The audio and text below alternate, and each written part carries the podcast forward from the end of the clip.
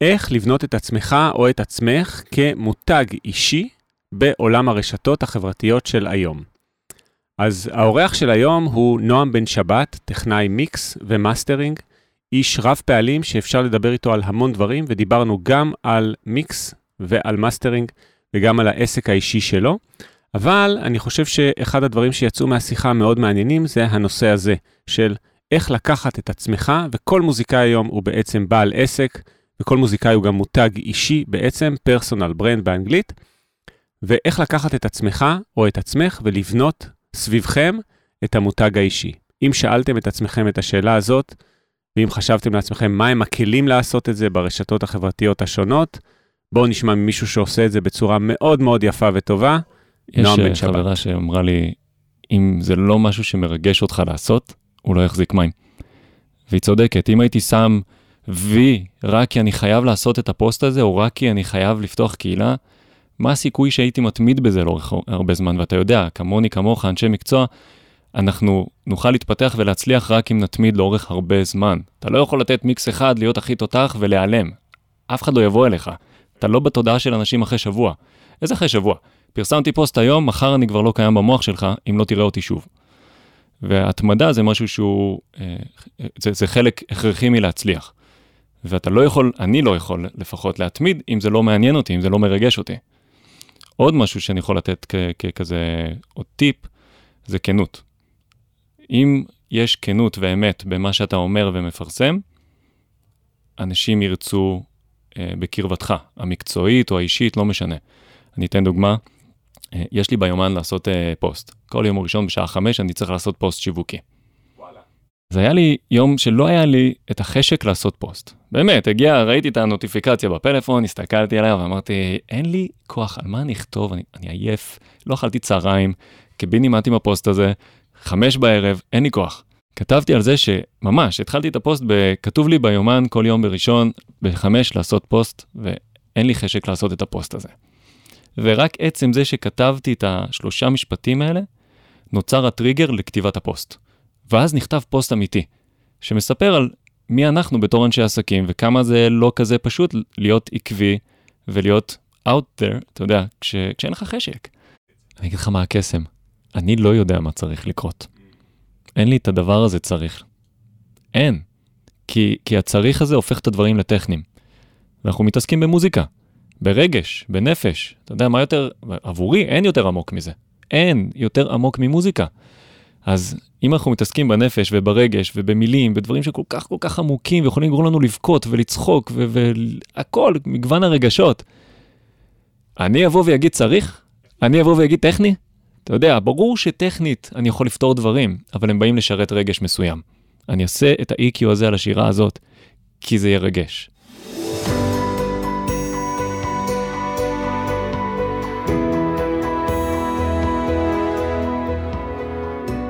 להצליח במוזיקה, פודקאסט אופטימי על קריירה במוזיקה, על שיווק למוזיקאים ועל איך לקחת את החלומות שלכם ולהפוך אותם ליום-יום שלכם. עמית ויינר מארח אורחים מוזיקאים, יוצרים ואומנים שמספרים על החיים והבחירות שלהם בקריירה.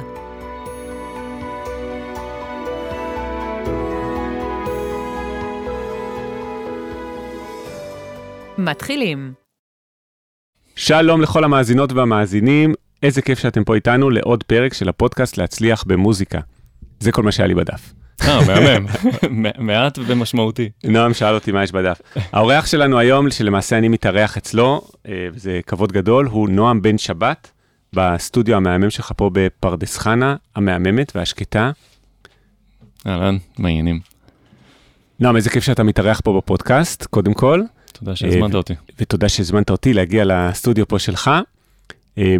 אתה טכנאי מיקס, יוצר מוזיקלי, הרמת עכשיו פרויקט מאוד מעניין אה, שקשור למלחמה, שתכף אני ארצה גם שנדבר עליו, אז אתה יודע מה, אולי נתחיל באיזשהו בריף קטן שתספר מה אתה עושה מבחינה מוזיקלית, ואז נתחיל דווקא מהפרויקט שקשור למלחמה, ואז נעבור לעוד דברים שקשורים לקריירה ולדברים שאתה עושה. אה, בסדר גמור, זה מה שאני עושה בחיי המקצועיים זה טכנאי מיקס, מאסטרינג, אה, מפיק מוזיקלי, מפיק מוזיקה עצמאית, יותר לכיוון ה ambient, מרצה במכללת BPM. ומורה פרטי.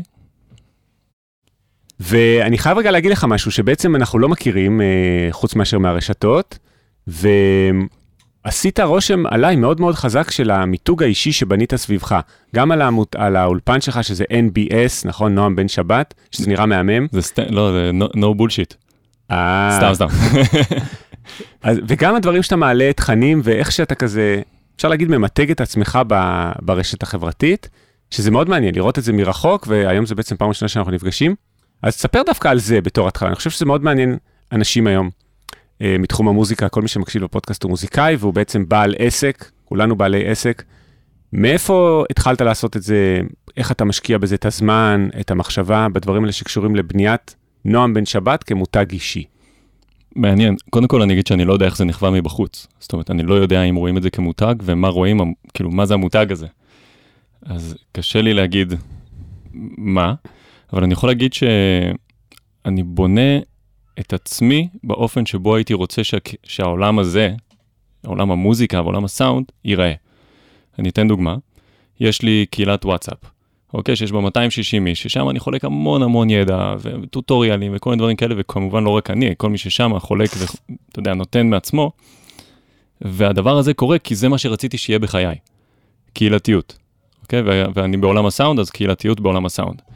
אז זה יצר איזשהו מותג, כי הנה, יש פה מישהו שיוצר קהילה, וקהילה פעילה גם, שבאופן יומיומי דברים עולים לשם. אז אני חושב שרוב הדברים שעשיתי בחיי המקצועיים הגיעו מתוך צורך. הצורך שלי לחלוק בידע, הצורך שלי לשאול שאלות גם. זאת אומרת, יש קהילה, ש... הקהילה הזאת אני גם שואל בה שאלות, או הפודקי... הפוסטים שאני עושה מדי פעם, גם פוסטים שהם לא רק, היי, hey, תראו, אני עושה מיקס ל-X, אה, אלא גם שאלות של כזה, מה הייתם רוצים לדעת ב, או אני לא מצליח להבין X. אז הרבה עניין של צורך. ואני אגיד שזה גם מגיע מתוך uh, השפעה של איך התחלתי uh, להיכנס לעולם הזה. כשנכנסתי לעולם הסאונד, בכלל באתי מהייטק, אז uh, כן. וואלה, זה לא ידעתי. כן, טוב, באתי מעולם ההייטק, מעולם ההייטק, וכשנכנסתי לעולם הסאונד או המוזיקה, התחלתי בהתחלה בתור יוצר ולא בתור טכנאי כמובן, אז שאלתי המון שאלות, אה, שאלות קידבק, אנשים שהם ברמה סופר גבוהה, זאת אומרת, אנשים שראיתי אותם בתור הפיק שיש לתעשייה הזאת, בין אם זה תעשיית המוזיקה או תעשיית הסאונד, באמת שאלות של noob, כזה, למה אני צריך קומפרסור? שזה basic, basic, basic של מי שנכנס לעולם המוזיקה והסאונד. וקיבלתי מהם המון המון אהבה. המון. יחס אישי כאילו אנחנו חברים. וזה היה מבחינתי mind blowing, לראות את הדבר הזה, שאני שואל מישהו שהוא כזה ברמה גבוהה, אני אפילו יכול לתת דוגמה ספציפית של אה, איתי ארגמן, שאני לא יודע אם אתם מכירים, אם אתם לא מכירים, תקשיבו, יש לו מוזיקה סינמטית פסיכית מבריקה, מבריקה, מבריקה. אז uh, בתחילת הדרך שאלתי אותו, התביישתי מאוד, כן, לשלוח לו לדף אמן, כי obviously לא ידעתי שקוראים לו איתי ארגמן, שלחתי לדף אמן שלו, ארגמן, היי, מצטער, אני נועם, אני מתחילת דרכי, לא יודע כלום, ויש לי שאלה, למה אני צריך קומפרסור? אז הוא צחק. ואחרי שהוא צחק קצת, הוא רשם לי כזה, אוקיי, מאיפה אתה? אמרתי לו, תל אביב. אמר לי, איפה בתל אביב? אמרתי לו, ברחוב, אה, לא זוכר, דרום תל אביב, גרתי איפשהו בדרום תל אביב. אז אמר לי, אה, וואלה, אני גם באותו רחוב. אתה בבית? אמרתי לו, כן. הוא אומר, יאללה, אני בא, אני אסביר לך. מדהים. אני התרגשתי כאילו, אתה יודע, אני הולך לראות את בריטני ספירס, זה היה כאילו, לא שהיא האיידול של החיים שלי, אבל זה כזה, זה מישהו שהוא מאוד גדול בעיניי, שבא, נותן מזמנו, בלי לדבר בכלל על כסף, גם לא היה כסף מעורב בשום שלב, ללמד אותי. משהו, הוא ממש לא חייב לי, אתה יודע, כלום. אז זה הוטמע בי מההתחלה לעשות גם עבור אחרים בתעשייה הזאת. ונראה לי שבאיזשהו מקום זה אולי יצר את המותג, כי המותג הזה הוא מותג של לחלוק ולעשות ולהיות ולתמוך ולהיתמך. אמ, נראה לי, כן. יפה. אני חושב שכבר התחלנו, וכבר יש פה איזה שני טיפים לכל מי שמקשיב, שכמו שאמרתי, כל המאזינים והמאזינות הם בעצם מוזיקאים, וכל מוזיקאי הוא uh, בעל עסק, הוא כמו ספר שצריך לקוחות, נכון? כל מוזיקאי היום הוא בעצם סוג של גם עצמאי, גם אם הוא עובד חלק כשכיר במוסד, כן. או בכל מקום שהוא. אני חושב שכל מוזיקאי שאני מכיר הוא גם עצמאי, ונתת פה כבר שני טיפים מאוד יפים, אני חושב. אחד היה שבעצם ברשתות החברתיות לא רק לפרסם, לא רק פרומוט, אלא גם לתקשר עם האנשים, לשאול שאלות, להגיב, לא רק, אה, הנה מיקס חדש שלי, הנה מיקס חדש שלי, הנה מיקס חדש שלי, כי זה נהיה מאוד אה, מכירתי זול לעשות את זה ככה. כן, מה השני? מעניין. והשני היה שבעצם בנית את המותג סביב מה שמעניין אותך לעשות. כלומר, מה שעניין אותך שיהיה לך קבוצת וואטסאפ שת, שתספק מידע לאנשים, ומשהו שגם אתה בעצם חלק ממנו, ובנית את זה גם בין השאר בשביל עצמך. כלומר, לא לעשות משהו רק כי אומרים לך לעשות אותו נגיד, או משהו כזה, אלא משהו שאתה גם ככה היית רוצה לעשות anyway. קבוצה כזאת שחולקת מידע בתחום האודיו. יש חברה שאמרה לי, אם זה לא משהו שמרגש אותך לעשות, הוא לא יחזיק מים. והיא צודקת, אם הייתי שם וי רק כי אני חייב לעשות את הפוסט הזה, או רק כי אני חייב לפתוח קהילה, מה הסיכוי שהייתי מתמיד בזה לאורך הרבה זמן? ואתה יודע, כמוני, כמוך, אנשי מקצוע, אנחנו נוכל להתפתח ולהצליח רק אם נתמיד לאורך הרבה זמן. אתה לא יכול לתת מיקס אחד, להיות הכי תותח ולהיעלם. אף אחד לא יבוא אליך. יפה. אתה לא בתודעה של אנשים אחרי שבוע. איזה אחרי שבוע? פרסמתי פוסט היום, מחר אני כבר לא קיים במוח שלך, אם לא תראה אותי שוב. והתמדה זה משהו שהוא, אה, זה, זה חלק הכרחי מלהצליח. ואתה לא יכול, אני לא יכול לפחות להתמיד, אם זה לא מעניין אותי, אם זה לא מרגש אותי. עוד משהו שאני יכול לתת ככזה, עוד טיפ, זה כנות. אם יש כנות ואמת במה שאתה אומר ומפרסם, אנשים ירצו אה, בקרבתך, המקצועית או האישית, לא משנה. אני אתן דוגמה, אה, יש לי ביומן לעשות אה, פוסט. כל יום ראשון בשעה חמש אני צריך לעשות פוסט שיווקי. וואלה. לא תמיד קורה. זה כבר טיפ רביעי, מעניין, שזה ממש scheduled שיש לך. כן, יש לי schedule של... אמרתי לך שזה לא סתם שנוצר לי סביבך מין uh, תחושת מותג אישי מאוד חזק, זה משהו שהוא מאוד מחושב ומדויק אצלך. הוא מחושב ומדויק. גם אם הוא מאוד כנה, כנה ומחושב זה שני דברים שיכולים לעבוד ביחד, הם לא הפוכים. כנה יכול להיות מחושב, ומחושב יכול להיות כנה. בול. אוקיי, אז תמשיך, יום ראשון בחמש. אז היה לי יום שלא היה לי את החשק לעשות פוסט. באמת, הגיע, ראיתי את ה notification בפלאפון, הסתכלתי עליה ואמרתי, אין לי כוח, על מה אני אכתוב, אני, אני עייף, לא אכלתי צהריים, קיבינימט עם הפוסט הזה, חמש בערב, אין לי כוח. על זה כתבת. בול. כתבתי על זה שממש, התחלתי את הפוסט, כתוב לי ביומן כל יום בראשון, בחמש לעשות פוסט, ואין לי חשק לעשות את הפוסט הזה. ורק עצם זה שכתבתי את השלושה משפטים האלה, נוצר הטריגר לכתיבת הפוסט. ואז נכתב פוסט אמיתי, שמספר על מי אנחנו בתור אנשי עסקים, וכמה זה לא כזה פשוט להיות עקבי ולהיות out there, אתה יודע, כש, כשאין לך חשק. וזה הביא טראפיק, סליחה, זה הביא טראפיק מהמם של אנשים שהתחברו לכנות הזאת, אנשי מקצוע שהתחברו לדבר הזה, אנשים בתחילת הדרך שאומרים כזה, וואלה, צריך לעשות את זה עד כדי כך כל הזמן. זאת אומרת, הכנות הזאת היא מאוד מאוד חשובה. חזק בעיני. מאוד. כלומר, גם אנשים שבתחילת הדרך וראו, גם נועם בן שבת, אין לו כוח באולפן לפעמים ל- לעשות פוסט אה, שיווקי ולהמשיך uh, לשווק, זה התחבר אצלהם למשהו שהם uh, מרגישים מאוד בפנים כזה, ואמרו לעצמם, זה מישהו שעוד יותר טוב עכשיו שאני מחובר אליו, כי אני גם מרגיש את הבן אדם מאחורי ה... נכון. מאחורי, ה... מאחורי הדברים. והשיווק קרה, כמו שהיה לי כתוב ב schedule.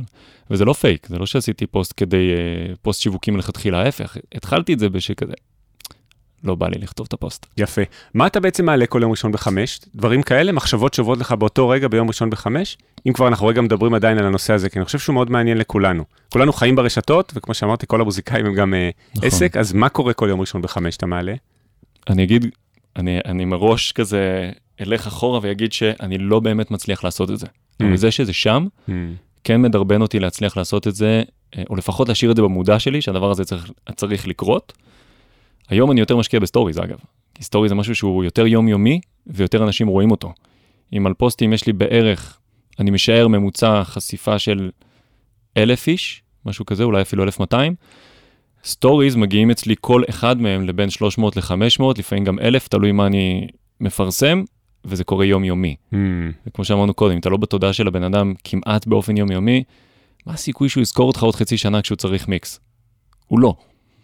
אז uh, אני יותר מתמיד בסטוריז היום, אבל... מעניין, נראה לי שסטוריז, יש בהם פחות גם את החשש מזה שזה יהיה מצוין וזה, אתה יכול להעלות הרי סתם, אתה, אתה לפעמים, אני רואה גם סטוריז שלך, לפעמים אתה נוסע באופניים, אתה אוכל משהו, אתה לא זוכר מה, אתה עושה יוגה, נכון? דברים שהם בשגרת חיים שלך, זה לא פוסט עכשיו שיישאר שם לעד כאילו בפיד, נכון. אלא זה מין אה, רגע ביום שלך, נכון? זה, זה הכוח אולי שיש בסטורי. נכון, ותכלס, תוך כדי שאתה מדבר עכשיו, אני חושב שאולי זה כן חשוב לעשות גם פוסט על השגרת חיים שלנו, בלי קשר לעבודה.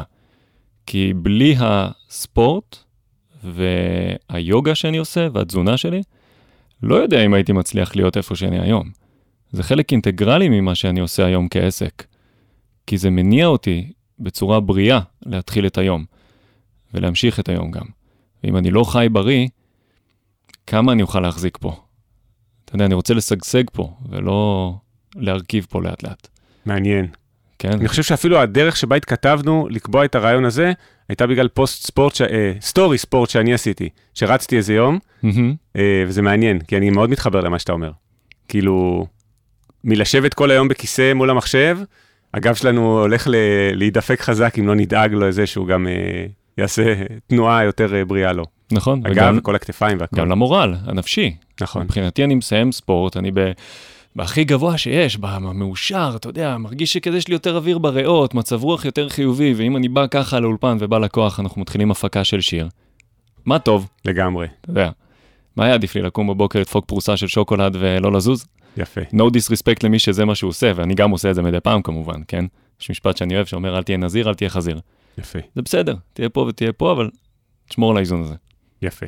יאללה, כן. אנחנו עושים רגע shift לחלוטין shift. מההתחלה הזאת שהייתה מאוד מעניינת, וכבר, לדעתי היו שם איזה חמישה טיפים מעניינים, שננסה בסוף גם לסכם אותם, אבל כבר היו פה טיפים על אה, שיווק עצמי למוזיקאים, מה לעשות, להיות כנים, להיות עקביים, אה, וכן לחשוב על איזשהו אה, דיוק של מה שאתם בעצם רוצים לשדר החוצה, כי כמו שאתה אומר, אמרת בהתחלה, אני לא יודע בעצם מה עובר החוצה, אבל הנה, אני, נגיד אני אומר לך, נגיד איך זה עבר אצלי.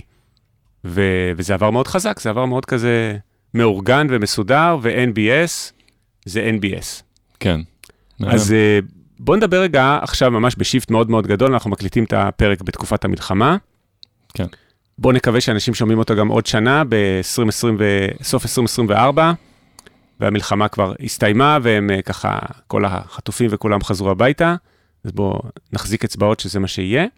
ובוא תספר על הפרויקט הבאמת מאוד מרגש שיזמת, נכון? שנקרא נצח. כן. תספר מה הוא קשור, מה אתם עושים.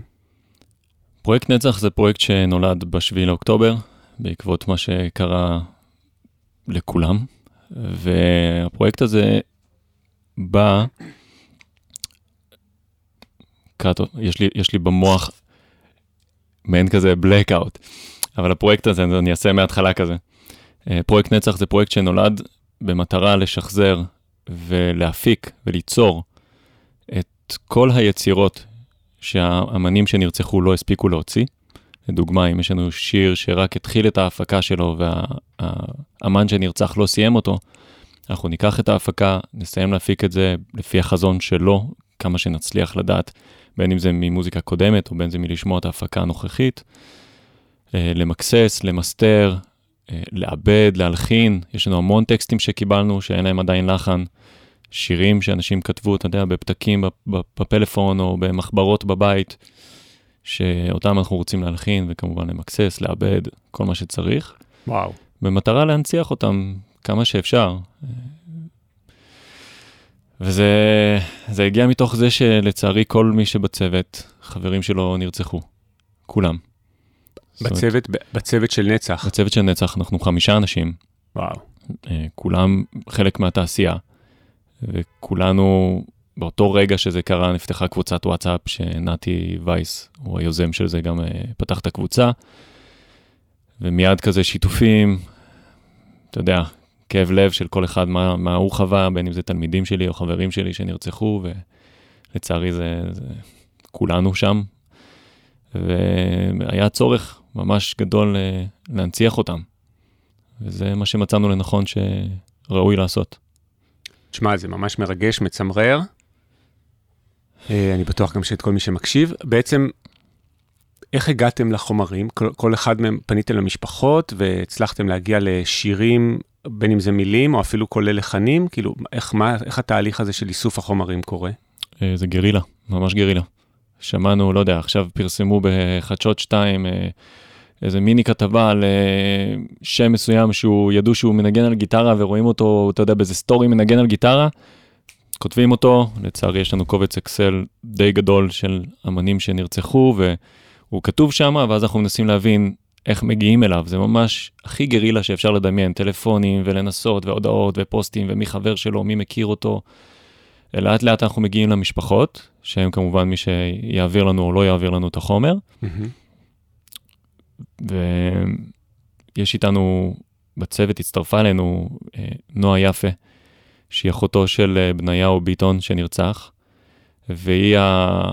היום היא האשת קשר שלנו למשפחות. זאת אומרת, אנחנו מביאים לה שמות והיא מדברת עם המשפחות, וככה אנחנו מגיעים לחומרים, לא משנה מה הם. וואו. זה יכול להיות מחשבים, זה יכול להיות פרויקטים, זה יכול להיות טקסטים, זה יכול להיות צילום, זה יכול להיות סטוריז. עכשיו אנחנו עובדים על, על שיר ש, שזה סטורי של אמן שנרצח, שהוא העלה שיר מקורי שלו, מנגן על גיטרה. וואו. כן, משהו מאוד uh, גולמי, לא מוכן. מהמם. אז אנחנו בעזרת AI מפרידים את הגיטרה מהשירה. Uh, בעזרת uh, Goyo, אם אתה מכיר, אנחנו uh, מפרידים את הריברב מהש, מהשירה עצמה, מקבלים משהו יותר uh, נקי, ומתחילים לאבד אותו ולהפוך אותו לשיר. כלומר, במקרה הזה ממש משתמשים גם בשירה שלו, בקול שלו. זה לא כן. יוקלט מחדש על ידי זמר או זמרת, אלא ממש הוא שר. נכון. וואו. הוא שר. אנחנו כן בתקווה גם לעשות אה, שיתופי פעולה, נגיד שלא יודע מה, שיר אחד, אה, אה, בית אחד, בית ראשון זה יהיה ההקלטה המקורית שלו, בית שני יהיה, לא יודע מה, אמיר דדון. ואז כאילו לעשות כאילו דואט ביניהם. Mm, וואו. כן. והיה לכם איזה קונצרט עכשיו בנוקטורנו, נכון? של הזנקה של הפרויקט, תספר גם על זה. היה כבר, נכון? היה, היה אוקיי. לפני אה, יומיים.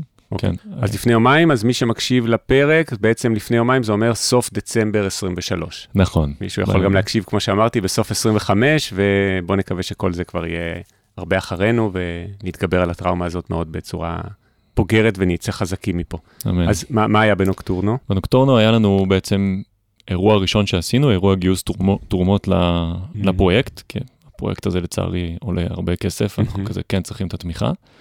אז uh, עיריית ירושלים עזרה לנו לגרום לערב הזה לקרות, ובעצם הבאנו כמה אמנים שישירו, uh, אנחנו שיתפנו בעצמנו, אתה יודע, על הפרויקט טיפה, וכל ההכנסות, כל הכרטיסים שנקנו היו למטרת הפרויקט. וגם אם זה סבבה לפרסם את זה, אז יש גם שבוע הבא, ב-25 וה-26 בצוללת הצהובה בירושלים. אנחנו עושים פסטיבל של יומיים שגם כל התרומות שלו, כל ההכנסות ילכו לפרויקט הזה. וואו. כן. וכל מי שמתעניין בדבר ורוצה או לעקוב או להיות איזשהו חלק, אז יש אינסטגרם, נכון? נכון. אז uh, נראה לי שלא רק, אפשר אפילו לפרסם, צריך, כי אנשים uh, בטח uh, יהיה להם מעניין בין אם לעקוב או לקחת חלק. אז איפה נכון. אפשר למצוא את הדברים האלה? אה, גם יש לנו אינסטגרם, גם יש פייסבוק, פשוט לכתוב נצח, אתם תגיעו לדף שלנו גם נצח בפייסבוק. באנגלית בעצם, N-E, אה, נכון? גם אם תכתבו בעברית לדעתי זה ימצא אוקיי. אותנו. אוקיי. I will double check it, אבל לדעתי אוקיי. כן. פרויקט נצח, גם בפייסבוק, גם באינסטגרם. נכון, וגם אתר, יש לנו אתר עם כל האינפורמציה עלינו, על כל הדרכים לעזור ולתמוך, בין אם זה להיות חלק פעיל בדבר, בין אם זה יש לכם כסף שאתם יכולים לתרום, כל דבר, אפשר דרך האתר הזה להבין. אה, טוב, איך? אז גם אפשר לחפש וגם אני אשים ב description של הפרק, מהמם, תודה. אה, בספוטיפיי וכולי, ובכל המקומות. ותשמע, זה, זה, אין מה להגיד, זה, זה באמת מאוד מאוד מרגש. אה, אני זוכר שראיתי כשהתחלתם להעלות על זה, וגם היו כמה כתבות בעיתונות, נכון? כן, כן, זה, זה ממש, אה, זה, זה, זה סופר חשוב, סופר מרגש, ואני חושב שזה גם מרגש אנשים לשמוע את זה. כן, וטריגרי, אני חייב להודות. זה קשה, כן, להתעסק ב... בזה, בלהנציח מתים, זה קשה. וואו. אפילו היה רגע שכתבתי בקבוצה, יש לנו קבוצת וואטסאפ כמובן של הצוות, היה לנו מפגש עם, ה... עם המשפחה הראשונה, שאי פעם נפגשנו איתה תחת, תחת הפרויקט. Mm, וכשיצאנו משם הרגשתי כל כך מוצף שכתבתי להם בקבוצה, אנחנו צריכים פסיכולוג. הרגשת כל כך מה? מה הייתה? מוצף, מוצף. ש... שפשוט כתבתי להם, אנחנו צריכים פסיכולוג. זה, אנחנו צריכים ליווי, זה לא Mm, פשוט, לכם גם. לנו. ויש לכם איזשהו ליווי פסיכולוגי? ש... עדיין לא מצאנו את הבן אדם הנכון. Mm, בא לנו מישהו שיהיה כזה מספיק רגיש ואינטואט, אתה יודע, להיות חלק מהדבר הזה. אה, אבל כן, זה חשוב, משמעותי, מאתגר, אבל אה, אני, אני לא מרגיש שאפשר ללכת אחורה. זה כזה, זה, כן. זה חייב לקרות. לגמרי, לגמרי. כן. טוב, אנחנו נעבור לנושא הבא, אנחנו לא יכולים, אה, אין, אין דרך לסכם את זה באיזה, אתה יודע, הפודקאסט נקרא להצליח במוזיקה, פודקאסט אופטימי, כן, ואני ממשיך להקליט אותו גם בתקופת המלחמה, ואמרתי גם, אה, אולי זה יהיה המעברון שיעביר אותנו לנושא הבא, כי באמת אין איך לסכם דברים כאלה, זה נכון. באמת דברים נורא חזקים, אבל אה, גם עשיתי כזה פרק סולו, שבו דיברתי, וגם בחלק מהפרקים אני נותן כזה הקדמות. אה, אתה יודע מה, מעניין אותי דווקא מה דעתך גם על זה, שבהקדמות שנתתי בחלק מהפרקים, שאני אני איכשהו בחרתי באיזשהו שלב בחיים שלי, כזה פעם הייתי הרבה יותר פסימי ונהניתי מזה, הייתי כזה הרבה יותר אה, נהנה מה... אה, להיכנס לתחושות המדכדכות, כי זה, אתה יודע, שני הצדדים הם ממכרים באותה מידה. כן, כמו שאמרת קודם, לאכול שוקולד בבוקר או לרוץ בבוקר, שניהם ממכרים באותה מידה. זה, אתה מתמכר ללרוץ ואתה מתמכר לשוקולד. נכון. שניהם עושים למוח את אותו אפקט של דופמין בעצם. וגם ככה לגבי דכדוך או פסימיות, ראייה כאילו שלילית של המצב, של החיים, מול ראייה חיובית. וכבר די, לפני די הרבה זמן, נגיד, יותר מעשר שנים הייתי אומר, 14 או משהו כזה שנים, החלטתי שאני בוחר את הראייה האופטימית וזהו, מתעקש עליה בכל הכוח, לא משנה מה קורה במדינה, לא משנה מה קורה ב- בשום מקום, בחיים וזה. ו, ואני מרגיש שזה, שזה, שלי זה נותן המון כאילו drive ו, ומקום נכון בחיים.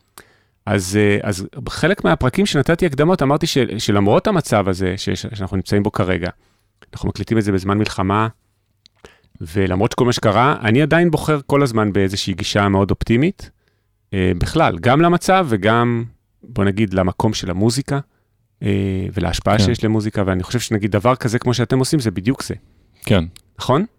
כן. זה, לא, לא, לא יודע אם זה להוציא את הטוב מהסיטואציה, אבל זה כן לעשות משהו שהוא בעל ערך. בדיוק, זה, זה חשוב. אני חושב כ- כקונספט חיים זה חשוב, נכון. לדעת להוציא את הטוב מסיטואציות. נכון.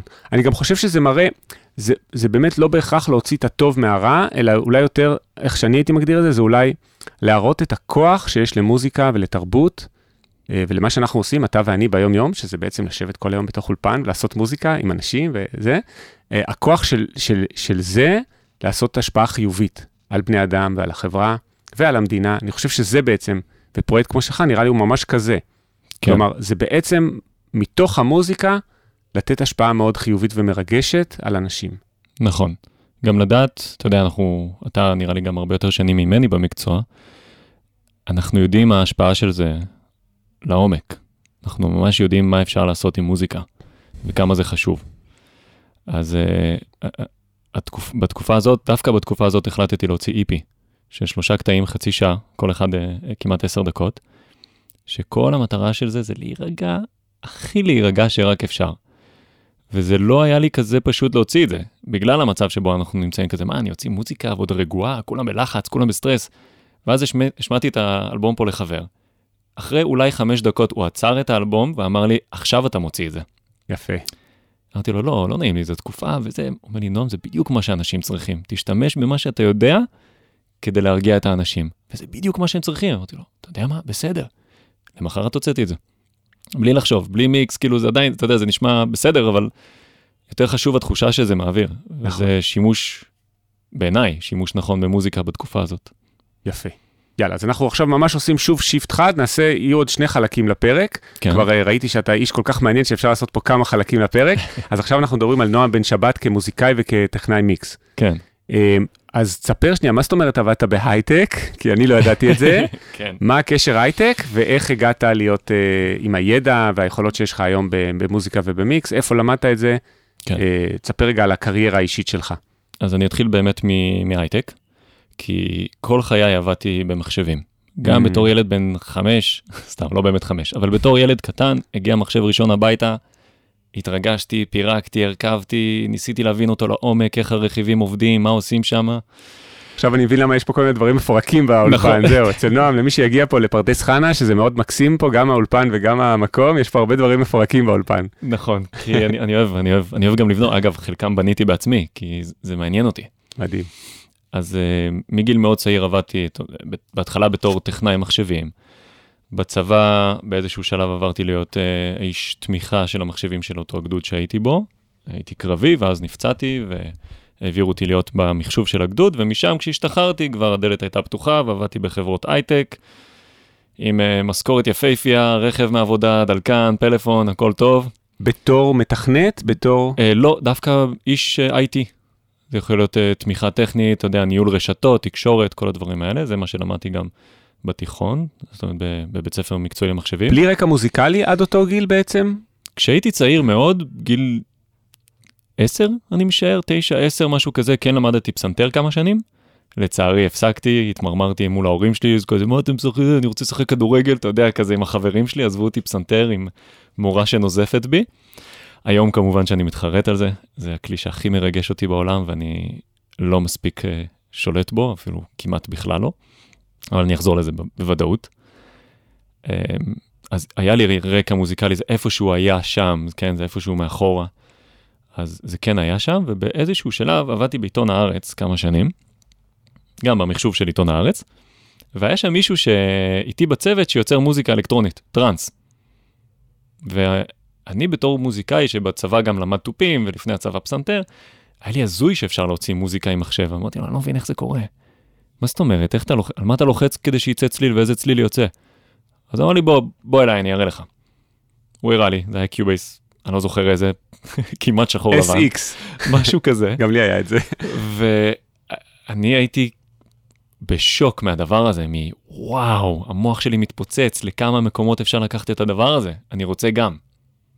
וזה זה השלב שבו נכנסתי לעולם המוזיקה. הנטישה מעולם ההייטק קרתה דווקא בגלל איזה הם, הם, חוויה מאוד מאוד, אה, עבורי הייתה מאוד מאוד קשה, היה לי איזה התקף חרדה מאוד מאוד חריף באותה תקופה, וזה גרם לי לנטוש הכל. טסתי לחו"ל לשנה וחצי, לנקות את הראש, להבין מה אני עושה כשאני חוזר לארץ. חזרתי ואמרתי לאותה בת זוג שהייתה איתי באותה תקופה, אני רוצה לעבור למוזיקה. זה וואו. מה שאני מרגיש שאני חייב לעשות. גם יומיים לפני הטיסה הוצאתי אלבום ראשון בחיי. זה היה כזה חצי שנה שנתתי בראש, הוצאתי אלבום שהוא מביך ממש, אבל זה היה איזה דחף שהיה צריך לקרות. וזה עבר לנועם יוצר מוזיקה. עכשיו, כשהתחלתי להוציא מוזיקה, אנשים הסתקרנו איך עשיתי את מה שעשיתי. בהכי פשוט, איך יצרת את הפד הזה בשיר הזה? אז אמרתי, בואו, אני אראה לכם. בצ... בצורה הכי, אתה יודע, חברית, פשוטה שיש, כמו שעשו לי בתחילת הדרך. ולאט לאט זה הפך לכזה נועם מלמד. כי יש להם מלא שאלות. ואז כזה, רגע, פרשתי מתחום של המחשבים, אני צריך כסף, הם שואלים אותי שאלות, אני אשמח לענות לכם בתשלום. ו- וזה פשוט התחיל ככה, בתור נועם היוצר, שענה על שאלות, שנהיה מורה, מורה, אתה יודע, באותה תקופה אני לא הייתי באמת מורה מי יודע מה, אבל כן היה לי דרך לענות על שאלות, ומה שלא ידעתי, שאלתי את אנשי המקצוע שאני מאוד מאוד מעריך ואוהב, וכולם ענו. ומשם זה הידרדר ל... למי שאני היום, שהוא טכנאי מיקס, מאסטרינג, מפיק, כי פשוט, כן, נראה לי לא הפסקתי לענות על שאלות וגם לחקור בעצמי בלי סוף. אז את הכל למדת בעצם בעצמך. כן, אני נורא אוהב לקרוא מניואלים, מדריכים, אז אני קורא מניואלים ומתרגם אותם לעברית. מה אתה אומר? יש לי ספרייה על המחשב של מניואלים, של פלאגינים שקניתי. רגע, אז לכל מי שרוצה, איזה מניואלים יש לך שאתה יכול לשלוח ל... גם אני רוצה חלק מהם, תן איזה אה, רשימה קצרה של מה יש לך בעברית. יש הרבה מהמודולר, זאת אומרת הרבה סינטים למיניהם. אוקיי. שככה גם למדתי סינתזה, אגב, קראתי את המניואל, קניתי באותו זמן, אני לא יודע אם אתה מכיר, אבל את הווירוס. סינתסייזר שנקרא ויירוס. שהוא כזה היה אגדה, אגדה, אגדה ב nineties. אה, קניתי אותו וקראתי את כל ה manual שלו וככה למדתי סינתזה. Mm. כי הם פירטו לי פרטי פרטים מה זה סינתזה ואיך מסנתזים, בלי קשר לסינט עצמו. זאת אומרת, הם אשכרה לימדו סינתזה במדריך הזה, אז זה גם דבר אחד. ובנוגע לפלאגינים ספציפיים, אז הרבה פלאגינים של UAD, נגיד כל הריברבים שלהם, קומפרסורים, כל מיני דברים כאלה, להבין איך הם... תרגמת מילה במילה או סיכמת את עיקרי הדברים? מעניין אותי סתם בקטע הטכני של איך למדת את זה ככה. אם המילה במילה היה מעניין, נגיד אם יש שם איזושהי פיסת היסטוריה מעניינת, mm. אני אכתוב אותה, כי זה גם כיף לי, זה מעניין. אבל אם זה היה כזה סתם הרבה מילים מיותרות, אני לא אכתוב אותם. אם הצלחתי לסכם עכשיו פסקה לשני משפטים, הם ייכתבו ולא הפסקה. שמע, זה מדהים ומרתק. בעצם את כל נושא הסאונד, כל מה שאתה בעצם עושה היום ביום-יום, כל שעות היום, של לעשות מיקס ומאסטרינג, ב high level, שזה יישמע אתה יודע, כמו המיקסים של ליידי גגה ואדל, לימדת את עצמך בעצם. במובן מסוים, היו, היו עוד כמה דברים שגרמו לי ללמוד. זאת אומרת, גם אני אגיד שהשאלות ששאלתי את אנשי המקצוע הטובים, זה שלב קריטי בהתפתחות שלי. זה כזה, אתה יודע, לשאול אה, את הגדולים ביותר, איך עושים X ולמה שלי נשמע Y, אה, קידם אותי המון, גם המניואלים, וגם איזה, הייתה איזו תקופה שכזה, טוב, ראיתי כבר את כל הטוטוריאלים, אה, קראתי את כל המניואלים, ועדיין המיקס שלי נשמע בינוני. למה? ואז עלה לי רעיון, באותה תקופה גם נחשפתי ל-Mix with the Masters, אתה מכיר? כן. אה, מי- למי שלא מכיר, זו פלטפורמה אינטרנטית של וובינארס, של אה, הרצאות, או לא יודע איך אומרים את זה בעברית, אבל אה, כן, כאלה הרצאות על מיקס שהם מראים גם בתוך הפרויקט ממש מה הם עושים. בדיוק. נגיד פותחים פרויקט של לדי גגה, הנה זה המיקס שעשינו ו- ולמה. אז אמרתי, למה שאני לא אעשה דבר כזה בארץ? אז פתחתי את מיקסים המאסטרים בישראל. זוכר בתחילת השיחה אני שלנו? זוכר, כן. אמרתי, צורך. יפה. ההתפתחות שלי מגיעה מצורך. הצורך שלי היה לקדם את המיקסים שלי שיהיו יותר טובים. איך אני אעשה את זה? אני רוצה לראות מיקסים של אנשים שאני מעריך. אז התקשרתי. רונן הלל, נועם מקרבי, יורם וזן, לא משנה, כל השמות, התקשרתי, אמרתי להם, גם תמיר מוסקת, אגב, עשה כמה סדנאות. יש לי הצעה בשבילכם. אתם תפתחו את הפרויקט של אליעד, או ריטה, או לא משנה מה, תגידו לי כמה כסף אתם רוצים לסדנה של 4 שעות שבה אתם מפרקים את המיקס הזה לגורמים, אני מארגן לכם את התלמידים, בתמורה אני בחינם. כולם הסכימו. ווין ווין לשלושת המעורבים פה. התלמידים כולם. לומדים, המאסטרים מרוויחים ונהנים מללמד ולחלוק ידע, ואתה נהנה מלקבל ידע ולאסוף קהילה בלי לשלם על זה כסף. נכון, לאט לאט זה נהיה גם העסק. זאת אומרת, לאט לאט התחלתי לגבות יותר כסף, הוא רצה 200, אני גובה 270, אז ה-70 האלה הולכים אליי. וזה נהיה הכלכלה שלי, חצי שנה זה היה הפרנסה היחידה שלי, שעבדה יופי. ובנוסף, מה שקרה, זה שהאנשי מקצוע האלה, שהם מאוד גדולים, כן, תמיר מוסקת מבחינתי טופ, ונועם אקרבי, הם כולם אנשים מאוד מאוד מוכשרים וגד... וברמה גבוהה, פתאום לא רק ראו את, קודם כל הם מכירים, פתאום הם מכירים את נועם. מישהו שלא ידעו שהוא קיים בכלל בתעשייה, יודעים שהוא קיים. אז זה שלב ראשון שהוא חשוב. נכון. הדבר השני זה אפשר לסמוך עליו. הוא מקצועי, הוא גרם לדבר הזה לקרות כמה וכמה פעמים במשך תקופה ארוכה. דבר שלישי, הם מעבירים אליי דברים. פתאום זה כזה, רגע, אנחנו בעומס, אנחנו סומכים על נועם, הוא כבר יודע די הרבה, בוא ניתן לו. ואז יש פה בעצם, מתוך הצורך, איזושהי התפתחות שהייתה באותה תקופה אקספוננציאלית עבורי, שבחצי שנה פתאום המיקסים שלי עברו שדרוג ענק, ואנשי התעשייה הגדולים ביותר מכירים אותי. וזה היה מבחינתי, וואו, הנה, הצורך שלי גרם לפ... ל... ל... לפעולה שגרמה להתפתחות. וזה משהו שאגב למאזינים שלך אני ממליץ לעשות. תהיו יזמים. בקורס מיקס מאסטרינג שאני עושה ב-BPM, זה השיעור הראשון, אני מסביר להם על יזמות. כי אם אתם לא יזמים, אתם נעלמים. אתה מבין? בין אם זה פודקאסט, בין אם זה מיקסים ומאסטרים, בין אם זה לעשות uh, קורסים אונליין, בין אם זה להתמיד במותג, זאת אומרת, כל הדברים האלה, הם- זה עסק. קוקה קולה לא מרפים, מקדונלדס לא מרפים. אז אני, שאני כזה קטן, ירפה. יפה. תשמע, יש פה המון דברים מאוד מעניינים, ותכף גם נדבר על זה שגם לך יש פודקאסט, כי מעניין דווקא שגם המאזינים אה, יעברו לשמוע בפודקאסט שלך, שהוא אה, עם גם אורחים שבעצם הזכרת אותם חלקם, נכון. אה, אבל תכף, כי יש כמה דברים מאוד מעניינים במה שתיארת.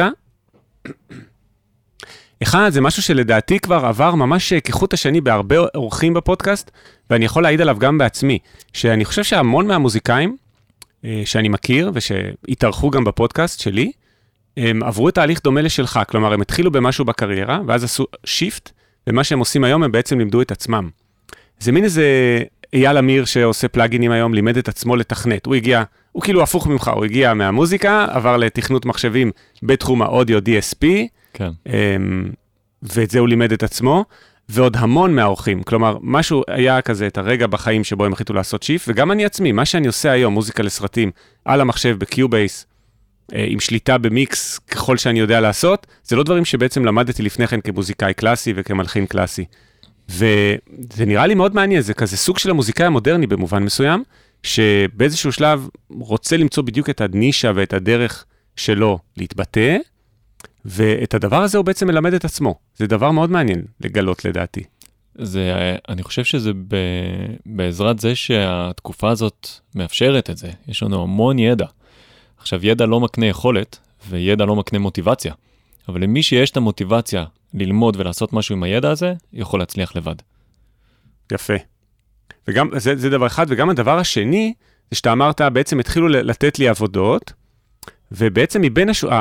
המאסטרים האלה, ומבין השורות, אני שומע משהו שגם עבר כחוט השני וגם קשור לקריירה האישית שלי, וגם אני שומע את זה מכל האורחים, בין אם הם uh, פרק עם ינון צור, גדול מלחיני משחקי המחשב בעולם היום, uh, שאמר שבדרך כלל אנשים עובדים איתך כמוזיקאי, לא תמיד בגלל שאתה המוזיקאי הכי טוב בעולם. וכחוט השני, זה עובר שבעצם קודם כל רוצים לעבוד עם בן אדם שאפשר לסמוך עליו. אתה אמרת, הם ידעו שאפשר לסמוך עליי, שהוא רציני, שהוא נחמד, workable, כיף לעבוד איתו, בן אדם שכיף לתקשר איתו, לשלוח לו וואטסאפ והוא עונה. והוא עונה אה, מהר, והוא לא אופניק. אה, זה כאילו, בתור התחלה, ואני חווה את זה כל הזמן, אנשים יעבדו איתי לא רק בגלל שאני כותב המוזיקה הכי מדהימה בעולם, כי תמיד יש אנשים שכותבים מוזיקה מדהימה, נכון. אה, ותמיד יש אנשים שעושים מיקס מדהים ומאסטרינג מדהים. לפעמים יהיו אנשים שיעשו גם מיקס ומאסטרינג יותר טובים, אבל אנשים יעבדו איתך בגלל אתה בעצם. נכון, זה חלק חשוב, וזה מתחבר גם לזה שאמרתי שכנות היא חלק מאוד חשוב עבורי, מלהיות חלק, אה, מלהיות משהו שאנשים רוצים בקרבתו, המקצועית או האישית. זה, זה בדיוק זה, התקשורת, מי אתה, מה אתה מייצג, כשרואים פוסט שלך, מה זה אומר, כשרואים תמונה שלך, מה זה אומר.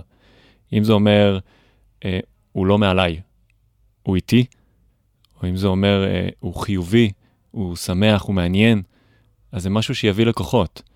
אתה יכול להיות, בעיניי, כן, איך שאני רואה את זה, בתור לקוח גם, אני לא אלך למישהו מרגיש מעליי, למישהו כזה, אני כזה תותח ש-X. אני אחפש אותך. אתה מבין? אני אחפש את מי שאני יכול ללחוץ לו את היד ולהרגיש שאנחנו באותו מקום ביחד. גם אם הוא הרבה יותר מקצועי ממני. לגמרי. וזה חלק חשוב מ- מלהצליח בעסק, זה, זה גם בזוגיות, אגב, להיות אחד, כאילו להיות בתקשורת טובה, להיות פתוח, להיות נחמד, אה, לא מרצה, אגב, אני גם לא בעד ריצוי. גם לא בזוגיות וגם לא, ב, גם לא בעסקים. כאילו, פונים אליך כי אתה איש מקצוע. אם עכשיו בתור טכנאי מיקס, אני חושב שהבאס צריך לרדת בווליום מהסיבות הנכונות, אני אגיד לך את זה. ואני אתקשר את זה בצורה שהיא תהיה מקרבת. זאת אומרת, אני לא אגיד, אתה טועה, הבאס לא צריך לעלות בווליום. לא רק שאתה טועה, אתה גם טיפש. כן. סתם, זה הדרך הטובה להשיג לקוחות. כן, זה יותר כזה להגיד, אוקיי, נגיד בסטנדרט של התעשייה הווליום הוא פה, אם אנחנו נגביר את זה, זה יכול להעמיס על חלק מהרכבים בעולם, וזה פשוט יהיה לא נעים לאנשים. אם אתה רוצה להגביר את זה בכל זאת, אני אעשה את זה. אישית, מקצועית, אני לא חושב שזה נכון. אז רק התקשורת הזאת, שאפשר לקרוא לה תקשורת מקרבת, יכולה להביא לך עוד לקוחות. שכמובן הסוג תקשורת הזאת גם בא לידי ביטוי בפוסטים וסטוריז, ואפילו במה אתה מפרסם באתר שלך, זאת אומרת, הכל. וואי, לגמרי. ואני הרבה פעמים אומר לתלמידים שאני בטוח שהאנס זימר, נגיד, אתה יודע, שברור שהוא כותב מוזיקה מדהימה, גאונית, אבל הוא בעצם עובד עם במאים קבועים המון שנים. כריסטופר נולן, הוא עשה איתו 15 סרטים או משהו כזה, ואני בטוח שאחת הסיבות זה גם שכיף לעבוד עם האן זימר. כלומר, הוא, אה, יש לו אגו, כמו לכולנו, אבל כשהוא עובד עם במאי, הוא שם את האגו בצד, ואם הבמאי אומר לו, תשמע, אני צריך שהקטע הזה יהיה פחות uh, סוחף ותוריד את החליל שם, אז הוא אומר לו, אתה צודק, כי הבמאי uh, הוא הלקוח במקרה הזה. נכון. ואני בטוח גם שהוא uh, בן אדם שכיף לעבוד איתו באולפן. כלומר, חלק מהעניין הזה של להגיע לקריירה מצליחה, בעצם בכל תחום, זה העניין הזה של הקשרים האנושיים, ושל איך אתה גם מתקשר, מה שאתה אמרת נגיד. נכון. גם כשאתה רוצה להגיד ללקוח משהו שהוא צריך לעשות, זה איך להגיד לו את זה. מאה אחוז נכון. Uh, אגב, קורסים ולימודים, אז בקורס ב-BPM אני, אני מראה uh, התכתבויות וואטסאפ שלי ואימיילים שלי עם לקוחות. יפה. כי יש משהו בדרך שבה אנחנו מתקשרים, שיגרום להם להישאר, כמו שאמרת עכשיו עם האנס זימר, זו דוגמה מעולה, ו...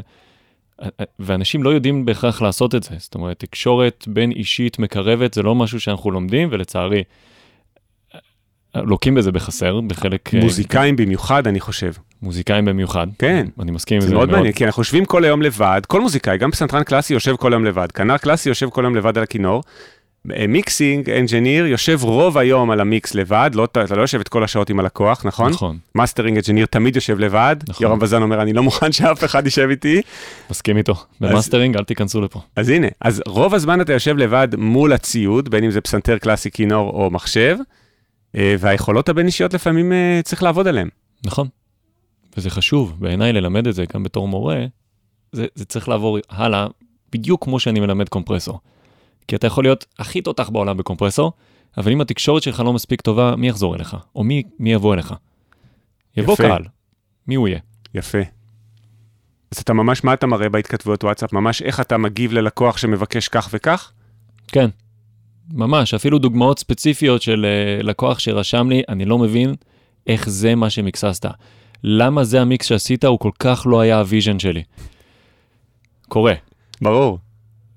ברור שנפגעתי עד עמקי נשמתי, בראש, ב- בלב שלי אמרתי, נתתי את כל כולי לדבר הזה. אבל זה לא תאם את הציפיות שלו. אז הדוגמה שאני נותן שם זה איך הגבתי לדבר הזה. כאילו, במקום להשתבלל ולהגיד כזה, אבל זה הכי טוב שנתתי, איך אתה לא מתבייש, או דברים כאלה, זה כזה, אני מבין שזה לא מה שרצית. בוא ניפגש, ואני אשמח שתסביר לי מה היה ה vision שלך, ואני אשמח לעשות את המיקס בדיוק איך שאתה אוהב אותו. מהמם. זה דוגמה לכזה, יכולתי להתנגד לזה, וזה לא היה, לא היה נותן כלום. תשמע, זה מהמם וזה מאוד חשוב, אז אתה יודע מה, אני גם אתן דוגמה דווקא שעלתה לי עכשיו על פרויקט מאוד גדול שאני עובד כרגע, אני אספר לך אחרי הקלטה, כן. משהו ממש, מוזיקה טריילר מפוצצת כזאת לאיזה פרויקט מאוד גדול פה בישראל, ויש שם במאי גם, ועשיתי ממש עבודה מאוד מאוד רצינית, מופקת מלא, תזמורת, פיצוצים וזה, trailer style. שלחתי לו, אני הייתי מבסוט, אמרתי, זה אחד הדברים הכי טובים שאי פעם עשיתי, כמו כל דבר, אתה יודע, שיוצא לך תמיד מהמחשב, אתה תמיד מרגיש ככה. נכון. הוא כותב לי בוואטסאפ יום אחרי, אה, בעברית, במאי ישראלי, תשמע, בגדול מר- זה מרשים מאוד, בקטן זה לא מתאים לסרט. שזה- שזה בעצם אומר, מההתחלה. כלומר, לא לקחתי מזה כלום בסוף. ולקחתי בדיוק את הגישה שלך, אמרתי לו, טוב, בוא נקפוץ לזום במקרה הזה, אה, ובוא תסביר לי מה בדיוק אתה רוצה, ועשיתי לזה בקיובייס Save As, והתחלתי פרויקט מחדש לגמרי. כלומר, שום דבר מזה לא נכנס בסוף. גיטרות חשמליות, תזמורת מלאה, לא נכנס בסוף לטריילר הסופי, שבשלב הזה, כשאנחנו מקליטים עכשיו, הוא כבר גמור, והוא כבר מבסוט מהגרסה Yes. הבאה בתור, אבל זה לגמרי, זה, זה, אני בטוח שזה קורה לכל אחד, גם להאנס זימר שהזכרנו.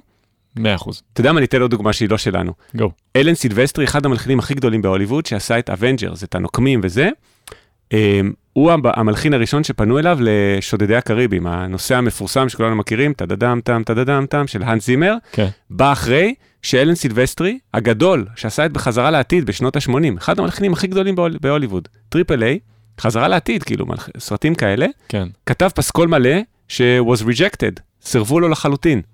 אז אם. זה, כן, ואז פנו להאנס זימר, יש לך שבועיים, תשמע, המלחין לא, לא עשה עבודה טובה, בוא תעשה לנו בשבועיים עכשיו אה, מוזיקה חדשה, ושניהם עדיין עובדים על הסרטים הכי גדולים בעולם.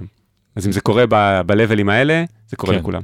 אולי זה משהו שגם המאזינים יכולים לקחת, זה לא להיפגע, זה לא אומר המיקס שלך לא טוב, זה לא אומר ההפקה שלך לא טובה. זה לא תואם את הציפיות שלנו, זה לא תואם את מה שרצינו, לא תואם את הסרט, לא תואם את הז'אנר, זה לא תואם. זה לא אתה, זה פשוט, הדבר הזה לא מתאים לסרט. כלומר, לא לקחת את זה לאגו לא האישי. כן, בדיוק. בדיוק. לא, לא, אין, אין אגו, לא צריך להיות פה עם אגו. אנחנו באים ליצור מוזיקה ואומנות ורגש, כאילו, מה, תכניס פה עכשיו אגו, אתה יודע, זה רק יפגע בכל התהליך. יפה.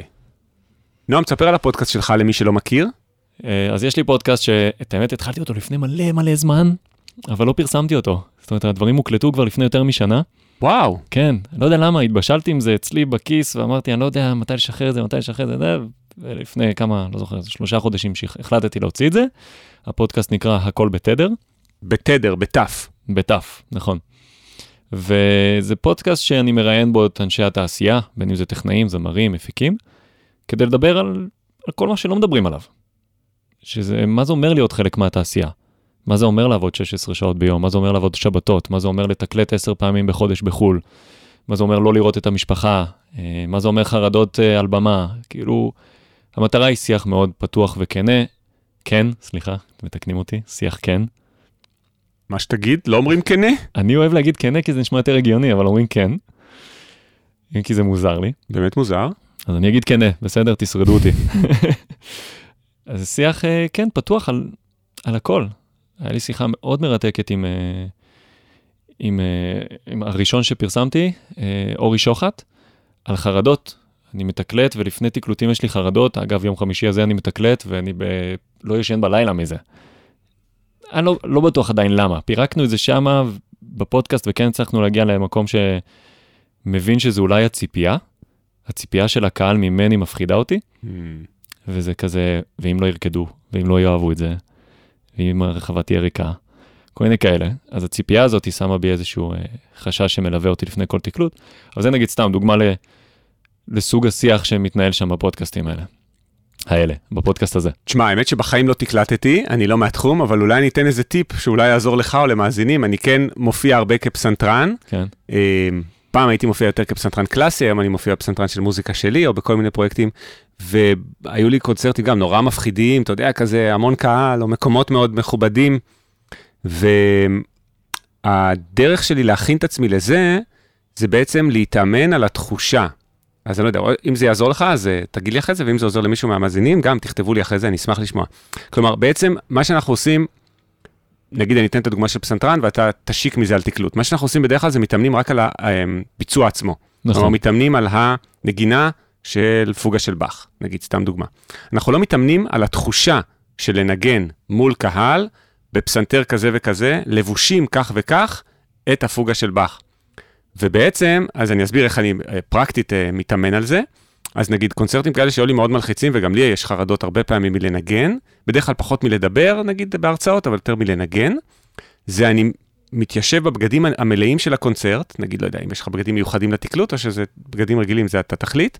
אבל מתיישב בבגדים ה- ה- ה- של הקונצרט עצמם, ואו מבקש ממישהו לשבת להסתכל עליי, כמו ב... כאילו, לדמות שזה קונצרט, או ממש מדמיין בזמן שאני מנגן, שאני מנגן עכשיו, נגיד, לא יודע, היה לי קונצרט באו"ם, שאני מנגן באו"ם, ואני כאילו מדמיין ממש את האולם עצמו, זה קצת כמו דמיון מודרך, הייתי אומר, mm-hmm. אבל על החוויה של ההופעה, ולא על החלק הטכני של הנגינה. מעניין. make sense? מעניין מאוד. כלומר, כן. זה לא להתאמן על הפוגה, על היצירה של באך, זה להתאמן על ההופעה עם היצירה. הדמיון מודרך סגר לי את הפינה, זה, זה באמת... נגיד, לא יודע, לא אם זה יעזור לך, אז נגיד, תעשה פה סשן שלם של תקלוט, של שעה וחצי. כן. לא יודע כמה זמן תקלוט, שעה, שעה וחצי, אני לא מהתחום. ספציפית זה שעה. שעה. כן. תדמי, תעשה את זה פה, אה, תעמוד כמו שאתה עומד בתקלוט מלא, אל תעצור, לא משנה אם יש טלפון וזה, כאילו, ממש כאילו זה, ואפילו מנסים לדמיין כזה מהצד הנכון של הקהל, שמאל או ימין, את הקהל עצמו. זה, זה, זה הטיפ היחיד שאני יכול לתת לדבר הזה. זה טיפ מעולה, בחיים לא עשיתי את זה. אתה צודק ב-100%, אני תמיד מתאמן על הטכני. ה performance, שיהיה הכי כולם טוב. כולם ככה, פסנתרנים קלאסיים כל היום מתאמנים. כשהכבלים יהיו הכי נכונים, כשהכול יהיה מחובר, שיהיה לי plug and play פשוט. אבל לא עשיתי אף פעם את מה שאמרת עכשיו, זה, זה בדיוק הבא, העניין של פסנתרנים קלאסיים, שמתאמנים רק על הפרזות ועל האצבוע של הסולם הזה והזה, אבל לא מתאמנים על ההופעה, ואז הרגע של ההופעה הוא כל כך מלחיץ, כי קורה פה משהו חדש לגמרי, כן. שהמוח מעולם עוד לא אה, עשה אותו לפני כן. אז... וואו. אם זה יעזור? מהמם, לקחתי את זה בחיבוק. איזה כיף. מה, מה זה התקלוט? ספר על הדברים שאתה עושה כמתקלט. אני לא מרבה לתקלט כי, כי, כי מה ששיתפתי קודם. אני בוחר את האירועים שאני מתקלט בהם מאוד בקפידה, לראות שכזה הקהל שמגיע הוא הקהל הנכון, שהאירוע הוא משדר את ה vibe של המוזיקה שלי, שהיא מאוד אמביאנטית ורגועה. אתה יודע, אם עכשיו הולכים לאיזה פסטיבל טראנס, אין לי מה לעשות שם. Mm. כאילו, כבר עשיתי את זה בעבר וזו טעות מאוד גדולה. אז uh, לא חוזר על זה שוב, אז דבר ראשון אני קודם כל בוחר. וספציפית האירוע הזה שקורה ביום חמישי הקרוב, uh, זה אירוע של uh, הפקה שנקראת Fusion Culture, לא יודע אם אתה מכיר, אבל הפקה מהממת שעושה דברים מאוד יפים, מוזיקלית בארץ. והם עושים אירוע למען uh, נפגעי הנובה, שכל ההכנסות הולכות אליהם, uh, לנפגעים. ואני בא לשם ללטף להם את הלבבות. אני הולך לתת שעה של ambient טהור בליווי של קמנצ'ה, שאנחנו הולכים להתחבר לסינתזה מודולרי, לסינתסייזר מודולרי, שדרכו אני הולך כזה לעוות ולעשות אפקטורה לקמנצ'ה, תוך כדי שמתנגן פלייבק מהמחשב שלי, שהוא בעצם המהלכים המלודיים וההרמוניים. וואו. נועם, לא שמת לב, אבל אנחנו 50 דקות פה, והפרק כמעט נגמר, ועוד לא דיברנו בכלל על מה לא. זה מיקס ומה זה מאסטרינג. מה זה מיקס? אני לא יודע. אז אנחנו חייבים רגע uh, to wrap it up, מה שנקרא, כי היה פרק ממש מרתק, על מלא נושאים, אבל אנחנו חייבים גם לשאול אותך כמה, uh, אני חייב לשאול אותך כמה כן. שאלות טכניות. בבקשה. כי לא יכול להיות שאני בא פה לטכנאי מיקס ומאסטרינג ולא לומד גם uh, ממנו, מהניסיון שלו. אוקיי. אז תן למאזינים כמה טיפים לאיך אתה עושה מיקס. עכשיו, זה לא באמת אה, יכול להיות, אתה יודע, איזה EQ להרים אולי, זה לא משהו מאוד ספציפי, כן. אלא אלה טיפים כלליים כאלה, נגיד למישהו שהוא עכשיו מתחיל במיקס, איך אתה ניגש למיקס, מה הפעולות הראשונות שאתה עושה, על מה אתה שם פוקוס, דברים שאפשר להסביר ב... אה, בפודקאסט שהוא אודיו, מבלי לראות ממש את הפלאגין עצמו שאתה משתמש, mm-hmm. באיזה נוב אתה מעלה ב-EQ. כן, אז אני אגיד שמבין כל ההמון המון סדנאות שראיתי ועברתי בחיי, הבנתי שלכל אחד יש את הגישה שלו. אז כל מה שאני אומר פה זה אני, זה לא מה נכון. אז uh, לי עובד לסדר את סביבת העבודה שלי נכון. זאת אומרת שה-set and settings יהיו מספיק נוחים וכמה שיותר אה, מהירים לעבודה לפני שאני מתחיל לעבוד. אז מה הכוונה? להכיר את כל קיצורי המקלדת של כל דבר שאני עושה. לסדר כבר מראש template של כל הצבעים, של כל הגרופים, של כל הפלאגינים, של כל הפרללים, של כל החיווטים שאני יודע שאני אוהב במיקס. אני לאו דווקא אשתמש בכולם, אפילו רוב הפעמים אני לא משתמש. אבל רק עצם זה שאני לא מתעסק בלפתוח ערוץ חדש ולפתוח send ולהגיד ל send enable ואז לפתוח את השורת אוטומציה, כל הדברים האלה, אני פנוי יותר להתעסק במה שבאמת בא לי להתעסק בו, שזה המיקס. זאת אומרת, כל העניינים הטכניים, אני רוצה לפתור לפני. אתה יכול לראות שפה יש לי גם, למי שלא, טוב, לא רואים, אבל יש לי פה מכשיר שנקרא Deck, שזה בעצם מכשיר של כפתורים, שאני יכול לראות ויזואלית מה הכפתורים האלה עושים. אז יש לי כפתור שעושה לי שורת מקרואים. אני אתן דוגמה, אם מישהו שולח לי עכשיו שיר למאסטרינג, אני הרבה פעמים מקשיב, אני שואל אותו אם הוא רוצה, ואם הוא רוצה אני נותן פידבק על המיקס. אז אני פותח קובץ וורד עם template של ביקורת על מיקס, מסיים לכתוב את מה שאני מסיים לכתוב, עושה export ל-PDF ושולח לו. יש לנו פה המון פעולות. לפתוח את וורד, לפתוח את ה template הספציפי של המיקס, לכתוב את מה שאני רוצה לכתוב, לעשות file, export, save as PDF ל desktop, כל הדברים האלה לוקחים, בוא נגיד, שלוש דקות. יש לי כפתור שעושה הכל. מהמם. בדיוק. אז הדבר הזה חוסך לי נגיד שלוש דקות פר קובץ, אני עושה כמה כאלה ביום, חוסך לי בשנה, נגיד זה חוסך לי ארבע שעות. זה הרבה יותר מזה, אני חייב לעצור אותך. זה לא העניין של הזמן שזה חוסך, זה ההפרעה במוח להתרכז בעיקר. המוח האנושי יכול להתרכז רק בדבר אחד, וזה אני יודע בוודאות, גם היה פרק עם, אה, אה, עם דוקטור נטע מימון, ממש לפני שני פרקים, אה, שהסבירה איך המוח האנושי עובד ואיך מוזיקה משפיעה על המוח, והמוח יודע לעשות רק דבר אחד בו זמנית. ואם הוא צריך עכשיו save as PDF, לעשות את זה, אה, כמו שאמרת, לפתוח ערוץ כזה, אז הוא כבר פחות מתרכז בעיקר, שזה נגיד המיקס או הביקורת על המיקס. נכון. יפה. אז הפרודקטיביות הזאת, היא עוזרת לי המון.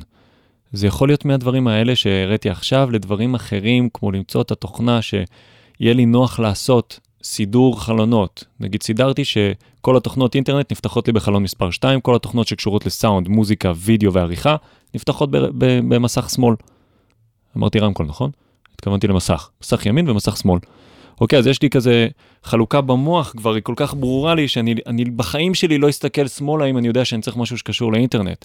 זאת אומרת, אני מנסה להקל על עצמי בכמה שיותר פרודקטיביות כדי להתעסק בעיקר. והעיקר זה מוזיקה וסאונד. אז אותו דבר אם אני פותח Cubase, שיהיה לי template מסודר מאוד עם כל מה שאני צריך, כולל האנלייזרים שאני אוהב, וכולל הפלאגינים שאני אוהב, וכולל כזה אפילו, אפילו במרכאות אני אומר, איזה template מאסטרינג כזה, שאני יכול בקלות לגרום למיקס שלי להישמע קצת כמו מאסטרינג בשביל להבין כזה מה קורה. או תוכנה שתקליט לי את ה output של המחשב, כדי שמראש אני רוצה, אני יכול לסמפל שנייה משהו מיוטיוב, בלי להתעסק בשום דבר חוץ מלפתוח את התוכנה וללחוץ record. אפילו לא ללחוץ record, יש לי תוכנה שאיך שאני פותח אותה היא מקליטה את המחשב. אוקיי? זאת אומרת, תקלו על עצמכם בכל דרך אפשרית, זה טיפ number 1, כי הטכני מתיש. ואם אתם לא מותשים מהטכני, אתם יכולים להתעסק בעיקר. טיפ מהמם. כן. טיפ הבא. טיפ הבא. אמ, שולחים לך מיקס לשיר, כן. מה הפעולות הראשונות שאתה עושה? אתה מקשיב ל reference של, של שירים דומים, אתה מקשיב קודם כל ל, ל rough mix ששלחו לך, אתה מדבר קודם כל ל vision, מה, מה הדברים הראשונים שאתה עושה כשאתה ניגש למיקס? קודם כל מקשיב למיקס ששלחו לי, ל rough mix, לראות מה האמן ששלח לי הצליח להגיע אליו, ומה ריגש אותו במה שהוא הגיע אליו. מעניין. כי יש הרבה מאוד דברים ב rough mix ששולחים, הרבה פעמים rough mix הוא מאוד לא מקצועי. אבל כן, יש בו המון רגש. Mm. הם הגזימו את ה reverb על השירה, ממש ממש הגזימו, זה obviously טכנית לא נכון. אבל משהו שם עובד. זה כן מרגש. אז לנסות ללמוד מה ריגש אותי מתוך ה rough. כי ברגע שאני אדע לעשות טכנית נכון את הרגש שהוא רצה להביע בעזרת האפקטים שלו, זה ינצח את מה שהוא חשב שיהיה אפשר לעשות בכלל. זה כאילו יתעלה מעל הציפיות שלו. ואם אני לא בטוח מה קורה שם, לדבר עם האמן. כמו שאמרנו קודם, תקשורת. שמעתי את המיקס שלך, מהמם, בוא תספר לי שנייה למה התרגשת ממנו, על מה נכתב השיר. כאילו תתחברו שנייה למה שאתם עושים, אני מדבר על מיקס, מאסטרינג זה קצת יותר טכני. אבל מיקס, אם אני לא מצליח להתחבר רגשית למה שקורה שם, בין אם זה המילים, בין אם זה ההפקה, בין אם זה האפקטורה, לא משנה מה, המיקס יצא בהתאם. אז תתחברו למה שאתם עושים, ואם אתם לא מצליחים להתחבר לזה, אולי אתם לא הבן אדם הנכון לעשות את זה, וזה בסדר להגיד את זה לאמן. המוזיקה שלך מהממת, אני פחות מתחבר אליה. אולי עדיף שתיקח איש מקצוע שיהיו יותר בז'אנר, או יותר ב... מתאים לזה. שזה איזושהי בגרות מקצועית ששווה להגיע אליה. יפה, כלומר, דבר ראשון שאתה בעצם מנסה להבין גם בשמיעה וגם בשיחה, את ה vision של האומן עצמו, לפני שאתה שם את הדברים שאתה חושב שצריכים להיות פה. נכון. קודם כל, מה הוא רוצה לפני מה אני חושב שמתאים. אני אתאים את זה. Mm. אני אתאים את מה שאני חושב שמתאים לצרכים שלו, לרצונות שלו. עכשיו, אני אתן עוד שנקל על, אה, על reference. הרבה פעמים שולחים לי הפקה, נגיד, ממוצעת, ו reference בילי אייליש. אתה יודע, הוא reference שהוא כאילו הטופ של הטופ של הטופ. עכשיו, ברור לי שזה ה reference, ברור לי שזה מה שישלחו לי. אם אני לא מצליח למצוא את החיווט בין ההפקה שלהם ל reference, זאת אומרת, למה הוא ה reference, אני אשאל אותו, מה בשיר של ה reference אהבת שהוא ה reference? זאת אומרת, מה ה reference ב reference? Mm. למשל, הוא יכול להגיד לי, נכון, זה לא אותו ז'אנר, אבל תקשיב לבהירות בקול שלה. יפה. אז אני יכול להגיד, אה, אוקיי, אז זה הרפרנס שלו. זה אומר שהבהירות של הווקל, זה מה שחשוב לו במיקס שלו. מהמם, אני אעשה טכנית מה שאני חושב לנכון, אבל הווקל יהיה הרפרנס. זאת אומרת, תלמדו מה הרפרנס הזה אומר. יפה. ואמרת עוד טיפ, אמרת שני טיפים אה, על רפרנס, או שזה הטיפ? אמרתי שנקל. שנקל על אה, רפרנס. נכון, יפה. תשמע, זה, זה מאוד מעניין, זה בעצם קשור למשהו גם שעבר לאורך הפודקאסט, ונראה לי שממש תכף נסכם, כי זה משהו נורא מעניין, ש... אה, מעניין שמוזיקאים לפעמים חוטאים בו, וזה העניין של להקשיב באמת. גם להקשיב באמת ללקוח, זה, זה אני אומר מעניין שמוזיקאים, כי אנחנו עובדים עם האוזן כל היום, אבל להקשיב באמת. כלומר, אתה אומר, הוא שולח לי רפרנס, השאלה מה הוא באמת אה, אוהב ברפרנס, מה מרגש אותו ברפרנס, וגם אמרת להקשיב באמת למיקס המקורי של הלקוח, וגם אני חושב שלהקשיב באמת ללקוח כשהוא מדבר, כלומר, זה משהו ש... אתה יודע, זה, שוב, זה משהו כזה ש... אתה מגלה לאורך הרבה זמן, אה, כשאתה עובד עם אנשים, שלא תמיד אנשים מקשיבים באמת, ויכול להיות נכון. שמוזיקאים גם לא תמיד מקשיבים, וזה באמת להקשיב. כלומר, לא לרצות להגיד, תשמע, השירה שלך זה מלא ריברב, זה לא יעבוד ככה, לא ישמעו כלום, ואתה עשית פה רף מיקס גרוע, תן לי להראות לך איך עושים את זה נכון. נכון? זה, זה מין גישה כזאת שיכולה לבוא אה, להרבה אנשים בתחילת הדרך של, אני יודע מה צריך לקרות, בוא תקשיב עכשיו מה, איך זה יישמע כשאני אעשה את זה. אני אגיד לך מה הקסם. אני לא יודע מה צריך לקרות. Mm. אין לי את הדבר הזה צריך. אין. כי, כי הצריך הזה הופך את הדברים לטכניים. ואנחנו מתעסקים במוזיקה, ברגש, בנפש. אתה יודע מה יותר, עבורי אין יותר עמוק מזה. אין יותר עמוק ממוזיקה. אז אם אנחנו מתעסקים בנפש וברגש ובמילים ודברים שכל כך כל כך עמוקים ויכולים לגרום לנו לבכות ולצחוק והכל, מגוון הרגשות, אני אבוא ואגיד צריך? יפה. אני אבוא ואגיד טכני? אתה יודע, ברור שטכנית אני יכול לפתור דברים, אבל הם באים לשרת רגש מסוים. אני אעשה את ה-EQ הזה על השירה הזאת, כי זה ירגש. כן, לא כי צריך. יפה. תשמע, זה מאוד מתחבר לזה ששנינו גם מלמדים, ויש את המשפט שאני מאוד מסכים איתו ככל שאני מתבגר, שזה חנוך לנער על פי דרכו, כי אתה באמת לא יכול להכתיב את השיטה שלך על כל uh, תלמיד בעולם, אז uh, עשה מיקס לנער על פי דרכו. בול. מהתנ"ך, ויקרא ג', תעשה מיקס לנער על פי דרכו.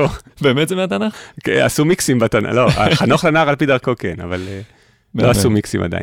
נועם, איזשהו אה, משהו לסיכום שאתה חשוב לך להגיד, או לפני כן, קודם כל, איפה מוצאים אותך למי שרוצה להזמין אצלך מיקס ומאסטרינג?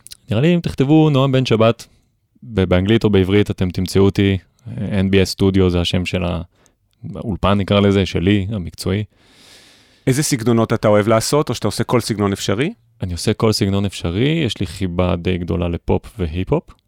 שני ז'אנרים שכיף לי מאוד למקסס אותם, זה תמיד כזה מזיז לי את הראש, אז אה, זה ז'אנרים שאני אוהב, כן. יאללה, אז כל מי שרוצה לפנות לנועם, אה, חפשו אותו ברשתות, ועוד איזה משהו, איזה טיפים או משהו שחשוב לך להגיד ככה לסיכום הפרק הבאמת מהמם הזה? כן, נראה לי ממש בקטנה של תישארו ילדים סקרנים לאורך כל הדרך. אל mm. תיפלו לתוך ההרגלים של עצמכם. זה סבבה שיש לי template, אבל הוא לא תמיד בשימוש, והוא לא תמיד יקבע מה אני עושה, הוא רק מאפשר לי לעשות את מה שאני רוצה לעשות. זה נראה לי ה... יפה. זה אני אשים בהתחלה כטיזר. הופה. יאללה, אני אגיד שוב המון תודה לנועם בן שבת, NBS סטודיוס, כאן בפרדס חנה המקסימה, בסטודיו המקסים הזה. Uh, תודה על הפרק, היה באמת מאוד מרתק. דיברנו גם על הפרויקט נצח המרגש עד כדי דמעות, שנינו פה קצת כן. דמענו כשדיברת על זה, וממש עברה לי צמרמורת בכל הגוף כשדיברת על הדבר הזה. דיברנו על טיפים לקריירה, דיברנו על אה, שיווק למוזיקאים, איך לשווק ברשתות, איך לכתוב וואטסאפ ללקוחות, בין אם זה במאים או אה, כל לקוח שהוא, בסוף כן. הכל זה תקשורת. אה, ודיברנו על להיות אה, ילדים בסוף, כלומר, אה, לא ללכת על המובן מאליו באיזה טמפלט, אלא כל מיקס, אה, חנוך למיקס על פי דרכו. מעולה. מסתר לנער על פי דרכו. אני אנסה לעשות את זה עם עוד פעלים. כן.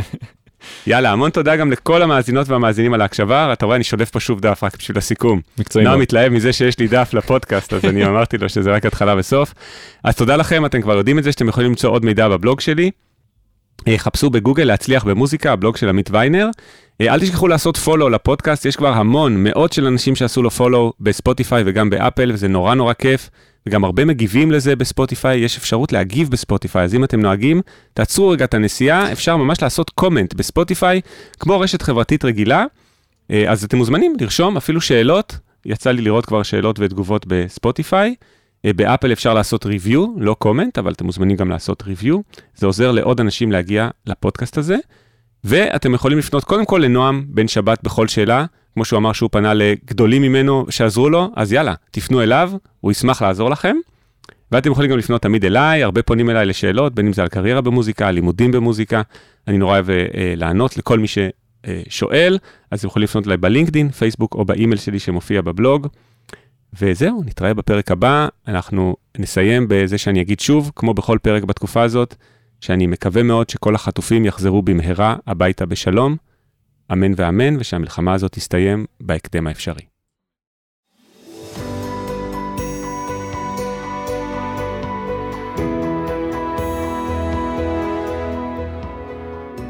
להצליח במוזיקה, פודקאסט אופטימי על קריירה במוזיקה, על שיווק למוזיקאים ועל איך לקחת את החלומות שלכם ולהפוך אותם ליום-יום שלכם. עמית ויינר מארח אורחים מוזיקאים, יוצרים ואומנים שמספרים על החיים והבחירות שלהם בקריירה.